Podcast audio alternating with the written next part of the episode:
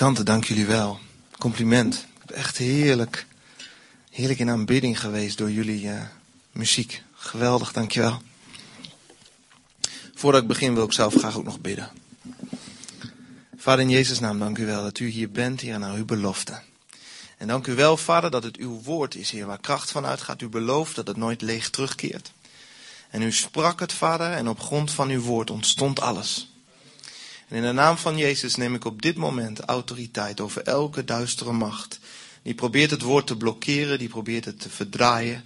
Ik neem autoriteit over jou, want de naam van Jezus wordt hier geproclameerd. En alleen zijn woord wordt gesproken. Vader in Jezus' naam bid, heren, dat elk woord van wat van u komt, heren, dat het een rema-woord zal zijn wat zal scheppen in ons hart, vader. En elk woord wat van mij komt en gekleurd is door mijn leven, vader, laat het ter aarde vallen. Dank u wel, heren, dat uw woord vrucht draagt. Amen. Ik wil graag vandaag verder met u nadenken over um, opwekking. Vorige week heeft Christian gesproken over opwekking.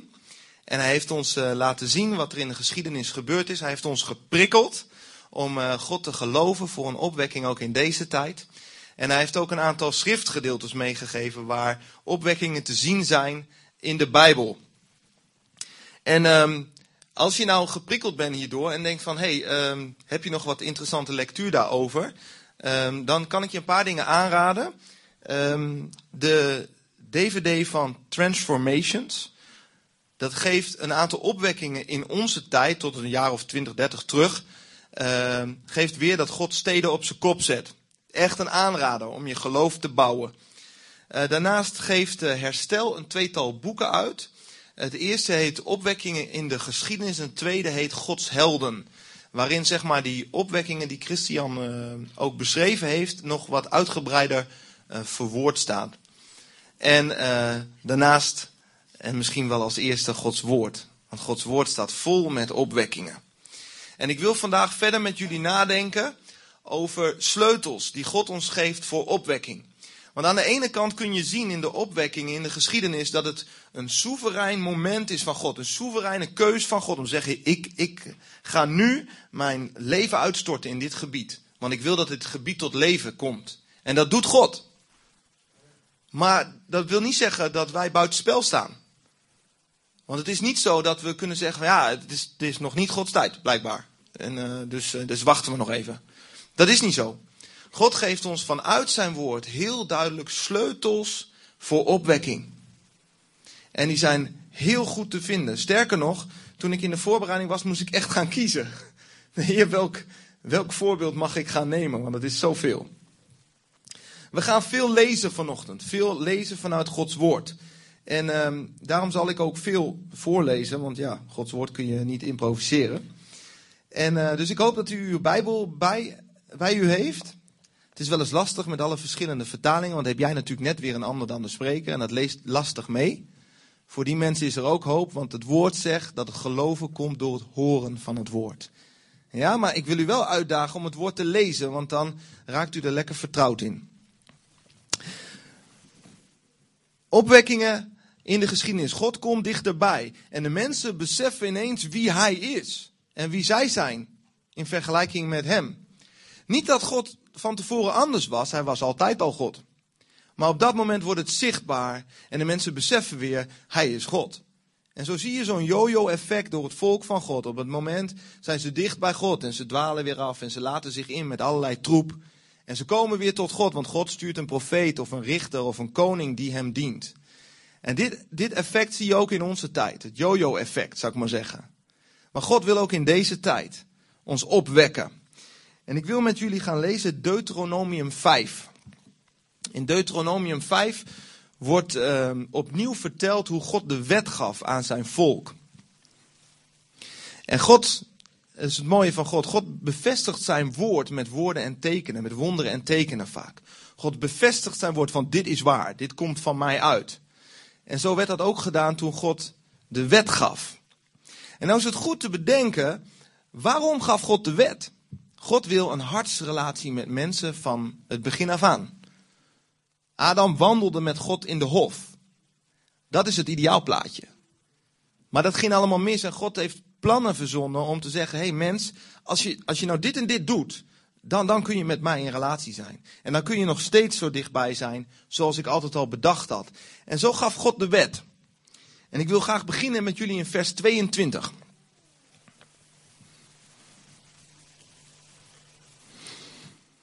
De Heer heeft deze woorden, deze en niet meer, tot u gesproken toen u daar bijeen was.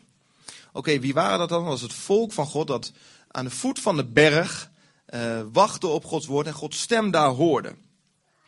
Met een geweldig stemgeluid kondigde hij, op, hij is God, op de berg zijn geboden af. Vanuit vuur en dreigende donkere wolken.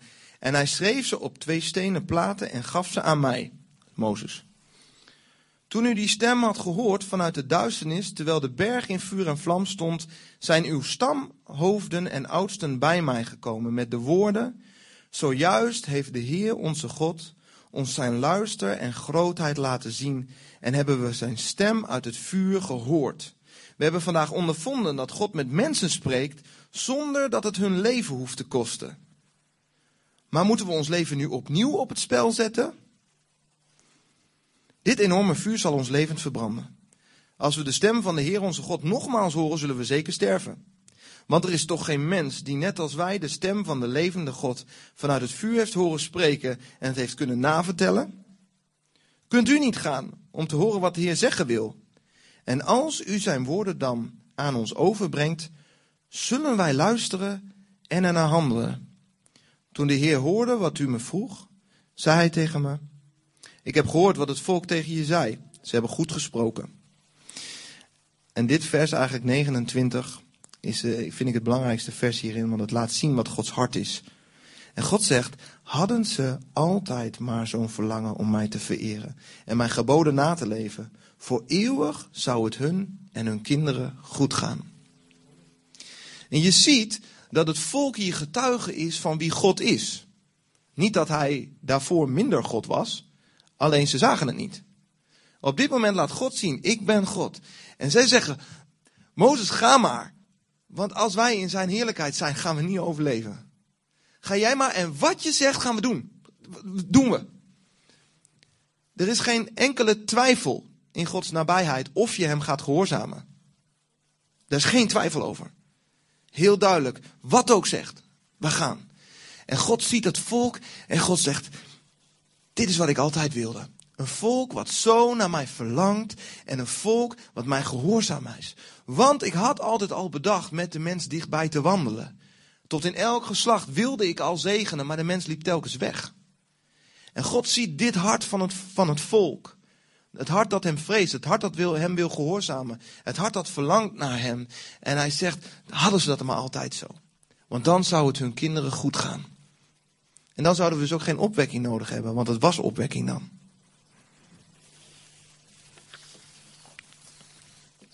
We weten allemaal dat het niet zo bleef. De mens dwaalde af van God, mens eigenwijs. Mens doet dingen waar hij zelf zin in heeft en eh, houdt minder rekening met God. En dat gaat soms heel langzaam. Hele geleidelijke weg. En als Gods heerlijkheid niet meer zo geopenbaard is, zoals op de berg, ja, dan voel je dat misschien niet zo meer. En in jouw eigen beeld wordt God dan niet zo God meer als hij eigenlijk echt is. En je permitteert het je om makkelijker te gaan leven. En om je in te laten met wat dingen. Ah ja, kan toch wel. En uh, laten we nou redelijk zijn. Ja, een beetje ruimte geven aan elkaar. En dat gebeurde. En ik wil graag met jullie naar de opwekking uit 2 Kronieken 29. Kun je vast opzoeken. In die tijd was dat ook gebeurd. Er was een, uh, in 2 Kronieken 28 was koning Agas aan de macht. En koning Agas diende alles behalve God.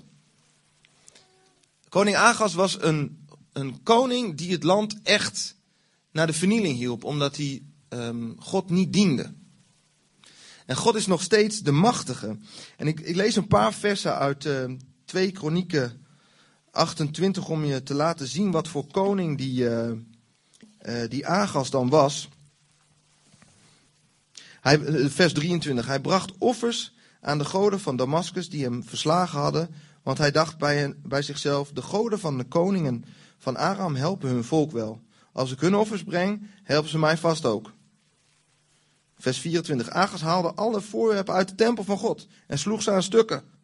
Hij liet de tempel van de Heer sluiten en plaatste altaren op alle straathoeken in Jeruzalem. En hij tergde de Heer, de God van zijn voorouders, nog verder door in alle steden van Juda offerplaatsen voor andere goden in te richten. Alle verdere bijzonderheden van Agas zijn van het begin tot eind opgetekend. Toen hij stierf, werd hij, vers 27, in Jeruzalem begraven, maar niet bijgezet in de graaf van de koningen van Israël. Zijn zoon Jehiskia, ik noem hem Hiskia, anders kom ik er telkens niet uit. Hiskia volgde hem op. En, en hier gaat het gebeuren. Dit is een koning die absoluut niet naar God luistert. En zijn zoon gaat hem opvolgen, Hiskia. En je, en je ziet dat God een sleutel geeft aan Hiskia. Hiskia die uh, gaat het anders doen dan zijn vader. Ik kan het vertellen, maar ik kan het beter uit Gods woord lezen. 2, Korinthe, of 2 Kronieken, sorry, 29 vers 1. Hiskia was 25 jaar oud toen hij koning werd. 29 jaar regeerde hij in Jeruzalem. Zijn moeder was Abia, de dochter van Secharia. Hij deed wat goed is in de ogen van de Heer, net als zijn voorvader David al had gedaan. Al in de eerste maand van het eerste jaar van zijn regering herhopende hij de tempel van de Heer en liet hij de deuren herstellen. Wauw, wat een vent. Dus ik wil iedereen bemoedigen die 25 jaar oud is en denkt van, nou ja, wat zou ik doen? Wat zou ik voor invloed hebben? Maar kijk, hier staat een jonge vent met een goddeloze vader. Zijn vader offerde zijn kinderen aan de god Moloch en hij ontkwam. En zijn zoon Nest kwam, die dus hij had ook wel een beetje achtergrond, een rugzakje zouden we dat nu noemen. hij zegt, ik ben koning. En uh, in de eerste maand Ga ik niet kijken wat mijn koninkrijk is. Ga ik niet de schatkamer even bekijken. Ga ik niet met mijn uh, ministers, als hij die al had, uh, vergaderen. Nee, wat ik ga doen, ik ga de deuren van de tempel openen.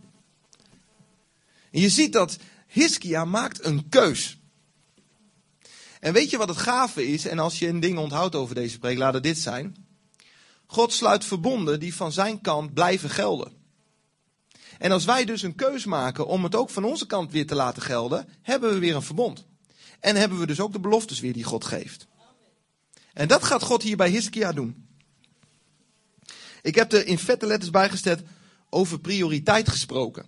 Deze man had prioriteit. Hij maakte prioriteit van God en het vereren van God. En we kunnen heel veel leren uit wat er nu gaat volgen. Wat hij gaat doen. En de sleutels in een tijd van verval. En want als we kijken naar het koninkrijk van Agas. En we gaan een paar parallellen trekken naar het koninkrijk der Nederlanden. Weet je, wij offeren onze kinderen niet aan de god Moloch, hè? maar we doden ze al in de buik. Dat is gewoon legaal hier. Ja? Dus laten we even, even duidelijk wezen hoe de, hoe de situatie ervoor staat. Hè, bij ons is het allemaal wat geciviliseerder. Hè, want wij doen dat allemaal niet met bloed en vuur en weet ik veel wat. Maar is het anders? Ik denk in Gods ogen niet. Dus de tijd, ik, misschien is het niet helemaal hetzelfde, maar het heeft er wel veel van weg. Want op elke straathoek, ook hier in Zutphen, worden andere goden vereerd dan onze God. En de duisternis is heel openlijk aanwezig. Oké, maar er is hoop. Er zijn Hiskia's. Hiskia, in de vers 4. Hij riep de priesters en de levieten bijeen op het plein aan de oostzijde van de tempel. Vers 5. En sprak hen als volgt toe. Levieten, luister. Heiligt u, zodat u de tempel van de Heer, de God van uw voorouders, kunt reinigen door alles wat onrein is uit het heiligdom te verwijderen. Lekker duidelijk. Ga op je positie staan, priesters, en heilig jezelf, zodat je ook het huis van God kunt reinigen. Onze voorouders hebben hun plicht tegenover de Heer verzaakt. Ze hebben gedaan wat slecht is in de ogen van de Heer onze God en zich van Hem afgewend. Ze hebben de woning van de Heer de rug toegekeerd en zich er niet meer om bekommerd. Ze hebben zelfs de deuren van de voorhal afgesloten en de lampen gedoofd, zodat er geen reukoffers of brandoffers meer konden worden gebracht in het heiligdom van de God van Israël. Daarom heeft de toorn van de Heere Juda en Jeruzalem getroffen. Hij heeft ze tot afschrikwekkend voorbeeld gemaakt en tot een voorwerp van ontzetting en spot, zoals u uit uw eigen ondervinding weet. Daarom immers, zijn onze vaders gesneuveld en onze zonen en dochters en vrouwen in gevangenschap weggevoerd. Weet je, en dat zien we ook in deze tijd, hè? Onze zonen en dochters mogen dan misschien niet letterlijk weggevoerd worden, maar hoeveel ouders, ook hier in de zaal, bidden voor hun kinderen dat ze tot God weer zullen komen? Dat ze God de rug niet toe zullen keren. Wel nu, zegt Hiskia, ik heb me voorgenomen het verbond met de Heer, de God van Israël, te bekrachtigen, opdat hij zijn toorn laat varen. En dit is een van de zekerheden die je hebt bij God. Want God is niet als een mens. God is betrouwbaar. God zegt, als ik een verbond heb, houd ik het ook. En Hiskia weet dat blijkbaar. Want die zegt, ik ga mijn ding doen van het verbond. Zodat de Heer zijn toorn laat varen. En het land dus gaat veranderen. En hij is ook duidelijk. Hij is ook niet bang. Hij zegt aan het werk nu, mijn zonen. Want u bent door de Heer uitgekozen om voor hem dienst te doen en hem offers te brengen. Hij wekt de levieten, de priesters op. Hij zegt, jongens, dit is wat jullie moesten doen. Aan de bak. En vers 12 zegt het, de, fieten, de levieten traden aan. En dan gaat het nog verder. Ik lees verder in vers 15. De levieten dus, hè, zijn aan zet. Ze riepen hun verwanten bijeen en heiligden zich om de tempel van de Heer te heiligen, zoals de koning op gezag van de Heer bevolen had. Mooi is dat, hè? Hij, hij uh, gaat staan, hij zegt, ik ben koning en dit ga ik doen. Vervolgens zegt hij, ik neem mij voor om het verbond te houden. En je bent nog geen vijf versen verder. En er staat, zoals de koning op gezag van de Heer bevolen had. Mooi hè? Als je in Gods weg gaat wandelen en je gaat hem gehoorzamen, ga je in Gods gezag wandelen. Want er staat in het begin helemaal niet dat God het zei tegen Hiskia. Hiskia deed het. En hier staat dat hij het op Gods gezag doet. Zo mooi hè, als je op Gods weg loopt, God gaat gewoon naast je staan op een gegeven moment. Zeg, hé, hey, dit is op mijn gezag. Daarop gingen de priesters naar binnen. Ze reinigden de tempel van de Heer door alle onreine voorwerpen die ze er aantroffen naar buiten te brengen, naar de voorhof van de tempel. De levieten namen de onreine voorwerpen over en voerden ze af naar de bedding van de IJssel buiten de stad.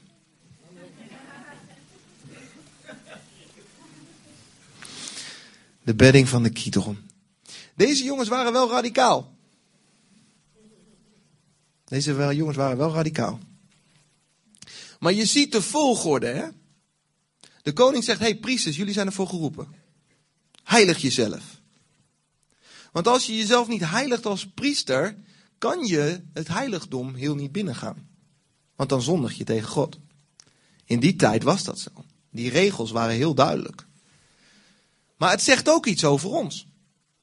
Priesters, heilig je leven zodat je voor de Heer God kunt verschijnen. En deze priesters die gaan aan het heiligdom van God binnen, waar allemaal afgoden dingen allemaal binnen zijn gebracht. En alle voorwerpen die er eerst waren, die waren er allemaal niet. En die jongens die zijn wel duidelijk. Die zeggen niet van, uh, nou weet je, laten we het nog even aankijken. Uh, ze draaien nog wel wat bij als we ze even vertellen dat dit toch niet echt de bedoeling is. Weet je wel?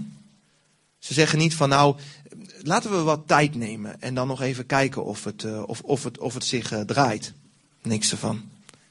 Ze zeggen, dit zijn onreine voorwerpen, die horen niet thuis in, in het huis van God. Jongens, oppakken die handel en in de rivier pleuren. Heel duidelijk. Radicaal waren ze. Ja? In vers 25 ga ik, uh, ga ik verder. Want dat is zo'n mooi beeld. Wat er gebeurde, was aanbidding voor afgoden. Er was aanbidding voor demonen in de tempel van God. En de levieten reinigen zich en ze reinigen de tempel. En wat is het volgende wat er gebeurt? Vers 25. Hij stelde de levieten met cymbalen, lieren en harpen op in de tempel van de Heer. Naar voorschrift van David, van Gad, de ziener van de koning en van de profeet Nathan. Het voorschrift dat door de Heer bij monden van zijn profeten kenbaar gemaakt was. Oké, staat er een beetje moeilijk, maar aanbidding voor de enige ware God wordt hersteld in zijn tempel. En dat is wat God gezegd had. Ik wil wonen in deze tempel en ik wil aanbeden worden. Ik wil wonen te midden van het volk. Maar in die tijd van Aga's woonde God daar niet meer hoor. En de aanbidding wordt hersteld. Dan gaan we naar 2 Kronieken 30, vers 1. Hiskia stuurde boden rond in heel Israël en Judea en schreef ook brieven aan Ephraim en Manasse, waarin hij iedereen opriep naar de tempel van de Heer in Jeruzalem te komen, om aan de Heere, de God van Israël, het Pesachoffer op te dragen. Het is mooi hè, het Pesachoffer. Het Pesachoffer is het offer van Gods uitredding. Dus, eh, dus Hiskia keert terug naar het verbond, gooit de onreinheid eruit, gaat God weer aanbidden en roept het volk op om te vieren het feest van Gods uitredding. Het feest dat God ons niet oordeelt, maar onze deur voorbij gaat als we, als we zijn bloed aan de deurposten hebben gestreken. Wat profetisch vooruit wees natuurlijk naar het offer van de Heer Jezus, die ons genade geeft als we ons bekeren tot Hem. Vers 10 ga ik verder. Met deze boodschap gingen de boden in het gebied van Everin Manasse van stad tot stad tot aan Zebulon toe, maar ze werden uitgelachen en bespot. Nou, dat herkennen we denk ik ook wel. Als je bij de Heer Jezus hoort en je doet ook mee in de club van Pesach vierende mensen. Mensen die het offer van de Heer Jezus kennen, je vertelt daarover, dan word je uitgelachen. Maar er is hoop. Slechts enkele uit Asa, Manasse en Zebulon bebogen het hoofd en kwamen naar Jeruzalem.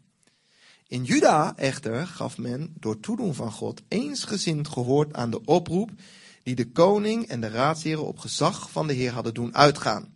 Zo mooi is dat. Als je uitgaat, dan word je uitgelachen aan de ene kant, maar je gaat ook de mensen treffen wiens hart al voorbereid is door God.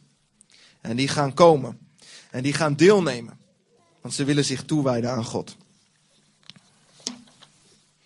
En een grote menigte verzamelde zich in Jeruzalem om in de tweede maand het feest van de ongedezemde brood te vieren. Ze kwamen in grote getalen. Eerst verwijderden ze de altaren die in Jeruzalem stonden en ook alle reukofferaltaren en gooiden die in de bedding van de Kidron. Die gasten waren echt niet milieubewust, maar hun geestelijk klimaat veranderde wel. Ze gooiden radicaal de rotzooi eruit. Oh, laten wij deze dag gaan zien, jongens. He? Dat we de milieupolitie op de stoep hebben omdat we toverboeken in de IJssel staan te gooien. Begrijp me goed, ik word niet een of ander fundamentalist, maar mijn God is koning. En niet de andere. Vers 18. Een groot aantal mensen uit onder andere Ephraim, Manasse, Issachar en Zebulon had zich dus niet gereinigd. Hadden ze waarschijnlijk al een tijd niet gedaan. Die snapten misschien die voorschriften niet meer. Ze hadden zich niet gereinigd. Maar toch van het Pesachoffer gegeten.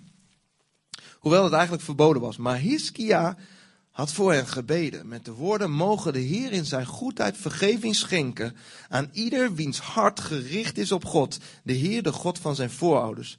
En ook aan degenen die zich niet hebben gehouden aan de reinigingsvoorschriften die in het heiligdom gelden. En de Heere hoorde, verhoorde Hiskia en vergaf het volk. Dit, ik vind het zo gaaf, hè? Dat, uh, je moet dit stuk wel goed uitleggen. Je kunt niet zeggen van, uh, ah, weet je, mijn hart is, uh, mijn hart is goed voor God, dus, dus ik doe het een beetje op mijn eigen manier. Dat is niet wat God zegt. We weten ook van David, die de ark terugbracht naar Jeruzalem, die dat absoluut volgens Gods hart deed, maar verkeerd, omdat de koningen de wet moeten kennen.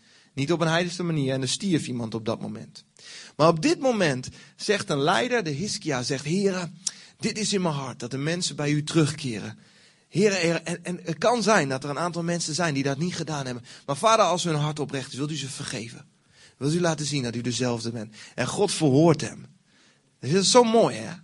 Dat God aan de ene kant heel duidelijk is over zijn woord en zijn verbond. Maar zo duidelijk aan de andere kant ook een oprecht hart ziet. En zo de koning verhoort. Vol vreugde vierden die in Jeruzalem bijeengekomen Israëlieten zeven dagen lang feest van ongedezend brood. Dag aan dag loofden de levieten en de priesters de Heer door klankvolle instrumenten voor de Heer te bespelen. Dit land verandert hieronder. God wordt weer aanbeden in de tempel. En het land gaat veranderen, want in de komende hoofdstukken zie je dat het volk het hele land gaat reinigen.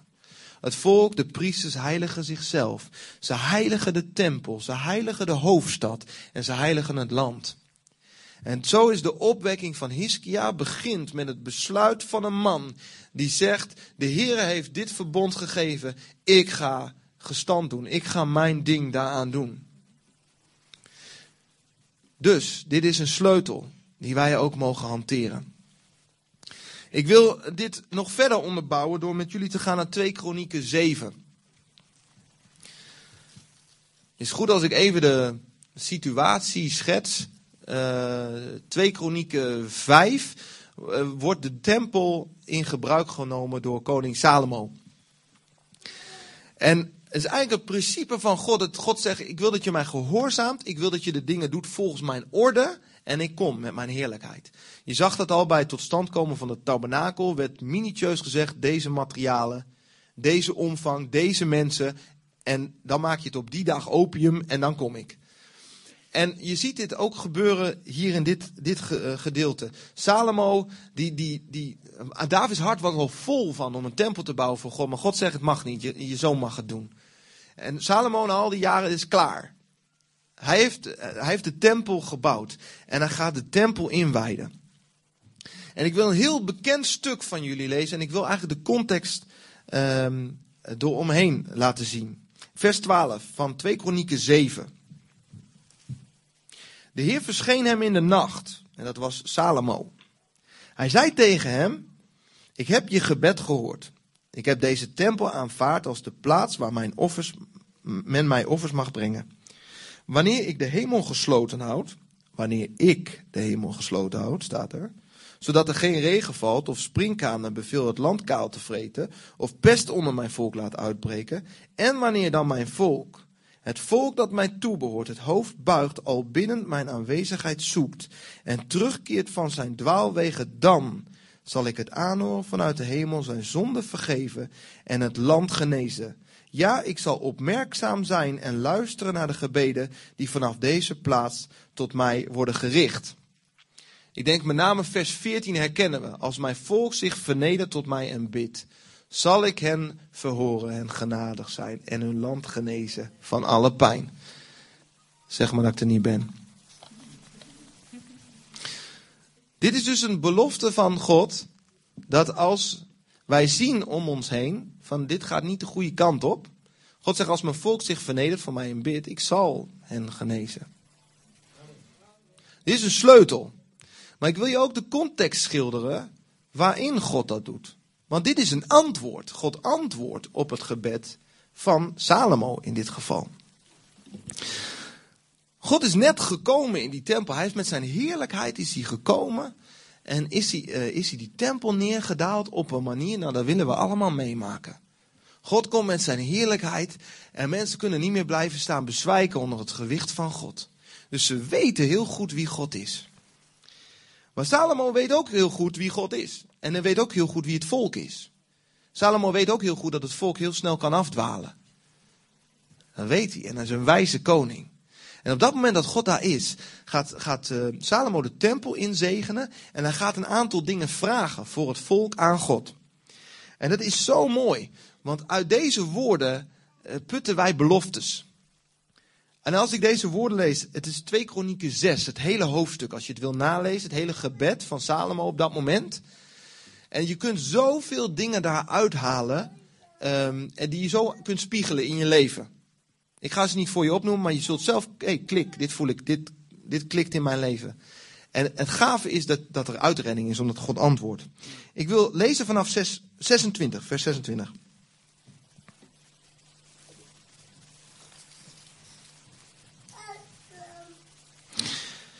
Wanneer de hemel gesloten blijft, dit zegt Salomo dus in een gebed. Wanneer de hemel gesloten blijft en er geen regen valt, omdat het volk tegen u gezondigd heeft, en wanneer zij dan een gebed richten naar deze tempel, uw naam prijzen en hun leven beteren, antwoord hun dan. Aanhoor hen vanuit de hemel en vergeef uw dienaren, uw volk Israël, wat ze hebben misdaan. Wijs hun de juiste levensweg en laat het regenen, let it rain, op uw land dat u als uw erfdeel aan uw volk gegeven heeft. Wanneer er in het land hongersnood of pest uitbreekt, wanneer het gewas wordt getroffen door korenbrand, meeldauw of vraatzuchtige sprinkhanen, wanneer het volk in eigen land door vijanden bedreigd wordt, wanneer er kortom bij enige ramp of ziekte ook maar iemand van uw volk Israël een smeekgebed tot u richt en zijn handen heft in de richting van deze tempel, ieder gebukt onder zijn eigen leed en verdriet, Aanhoor hem dan vanuit de hemel, uw woonplaats. En vergeef hem. Geef wat hem toekomt, want u weet wat er in hem omgaat. Alleen u kunt immers de mens doorgronden. Dan zullen ze in het land dat u aan onze voorouders hebt gegeven hun leven lang ontzag voor u tonen en u gehoorzamen. Mooi hè? Wat Salomo vraagt aan God hè, voor het volk. Hij noemt echt, ik kan me zo voorstellen dat hij staat er binnen en noemt echt alles op wat hij maar kan bedenken. Heer, nou, als dit gebeurt, Heer, want ik wil dat u altijd bij dit volk bent zoals u nu bij ons bent. Weet je, Mozes, of Salomo, die heeft die heerlijkheid gezien van God. Die heeft het meegemaakt dat hij de tempel bouwde en dat God kwam met zijn heerlijkheid. En hij echt zoiets van, Heer, blijf hier. Heer, ik wil dit niet meer kwijt. Heer, als dit gebeurt, dit, dit, dit. En nog maar enige ziekte. Heer, maar, maar als uw volk dan zich omkeert naar u, antwoord dan. Ik lees er een man uit die echt dit desperate wil. En dit is onze God. Die antwoordt. En dat is het mooiste als ik even weer oppak bij vers 12, 2 Kronieken 7. Uh, vers, vers 13. Dus ik las net in vers 26, 2 Kronieken 6, dat hij zegt, wanneer de hemel gesloten blijft en er geen regen valt. Hè? En God sluit er letterlijk op aan. En hij zegt, wanneer ik de hemel gesloten houd, zodat er geen regen valt. Mooi is dat, hè? God die gewoon praat met een mens. Of springkanen beveelt land kaal te vreten, of pest onder mijn volk laat uitbreken. En wanneer dan mijn volk, het volk dat mij toebehoort, het hoofd buigt en al binnen mijn aanwezigheid zoekt en terugkeert van zijn dwaalwegen, dan zal ik hen aanhoren vanuit de hemel, zijn zonde vergeven en het land genezen. Hiermee wil ik aantonen vanuit Gods woord dat God ons sleutels geeft. Hiskia stond op en hij zei: Het gaat anders. Ik ga mijn, het verbond wat God gaf, ga ik gestand doen van onze kant. En de eerste versen doet hij het zelf. En vanaf vers 15 is het op gezag van de Heer. Dat is wat je leest. En hier ook Salomo, die zo duidelijk dingen vraagt aan God. En leg ze maar naast je leven, leg ze maar naast de maatschappij. Waar je gewoon ziet dat het land gebukt gaat onder ziekte. Dat het land gebukt gaat onder oneenheid en geharrewar. Man, wij zijn al drie jaar bezig om een fatsoenlijk kabinet voor elkaar te krijgen. Is er ongelooflijk. Het land steeds meer in verval, steeds meer gebroken gezinnen, steeds meer verwonde mensen, steeds meer mensen die stickers opgeplakt krijgen van stoornissen. Dit is niet van God. Dit is niet van God. En Salomo zegt, en als dit gebeurt, en als dit gebeurt, en als dit maar. En als er dan maar enig iemand van uw volk is die dat gaat doen. Heer, luister. En herstel hun land. En dit is wat God wil doen aan onze land, ons land. Ik heb nu een aantal dingen genoemd vanuit het oude verbond. Jezus gaf ons het nieuwe verbond. Onder zijn genade. Onder zijn bloed. En dat betekent dat we, dat we niet de exacte reinigingswetten hoeven houden. En dat betekent dat niet dat we onder die wet leven. Nee, we leven nu onder de bergreden. Onder Jezus die de vervulling van de wet is. De principes zijn nog steeds hetzelfde, jongens. Hè? De kerk is vol van kracht en is het zout en zout en het licht en het licht als de kerk rein is en één is. En als de kerk op de knieën wil gaan in de dingen die misgaan, als wij in onze levens op de knieën wil gaan, willen gaan voor de dingen die misgaan. En laat maar heel eerlijk zijn. Dat zijn er best wel wat. In mijn leven in ieder geval wel.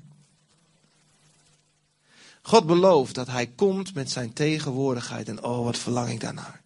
Zijn tegenwoordigheid. En hij is hier, hè. Hij is hier. Maar ik wil meer. Een dankbare ontevredenheid in mij. Ik zeg, Heere, uw heerlijkheid. Uw heerlijkheid die uitstraalt. Vanuit mijn leven in de gemeente. Vanuit de gemeente in de stad. Vanuit de stad in het land. Dat God opnieuw zijn regen geeft. En met zijn geest het land opwekt. Maar God zegt, heilig je.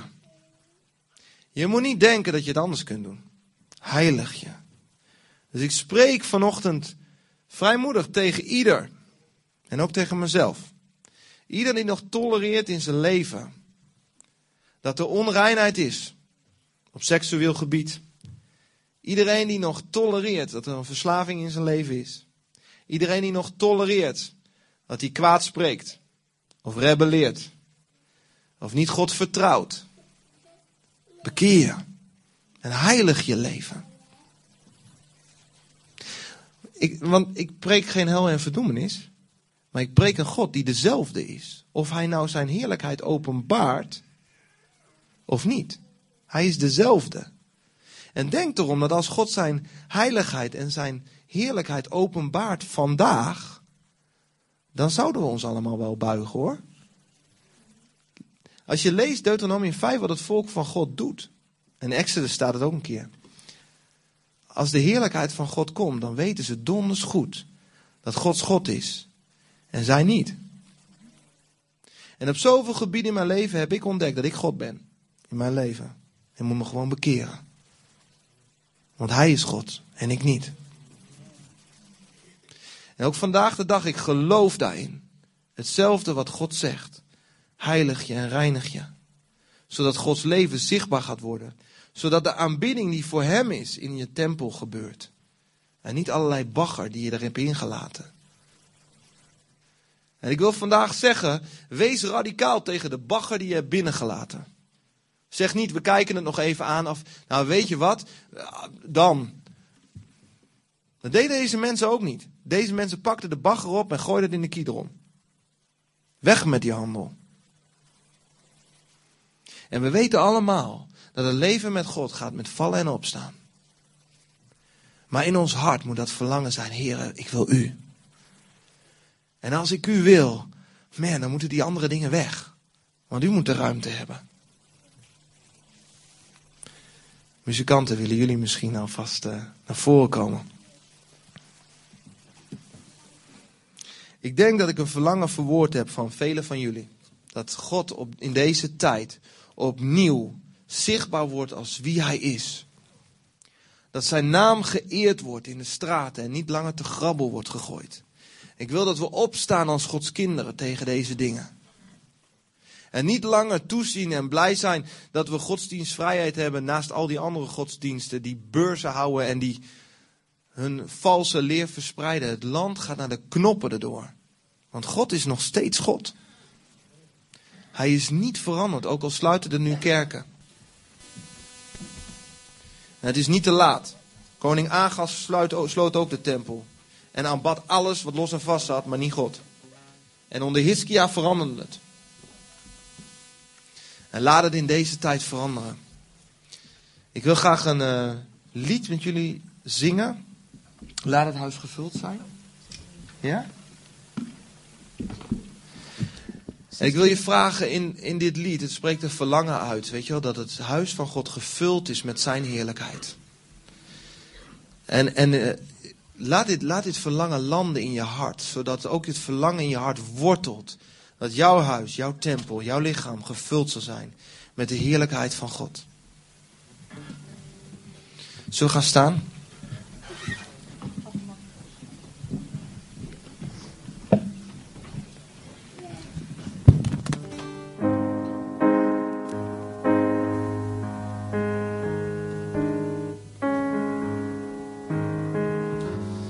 Bedenk hierbij wat, wat het tegenhoudt in jouw leven.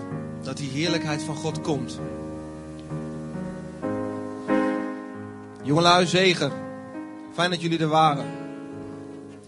Bedenk wat het tegenhoudt. De heerlijkheid van God in je leven. En beleid. En bekeer je.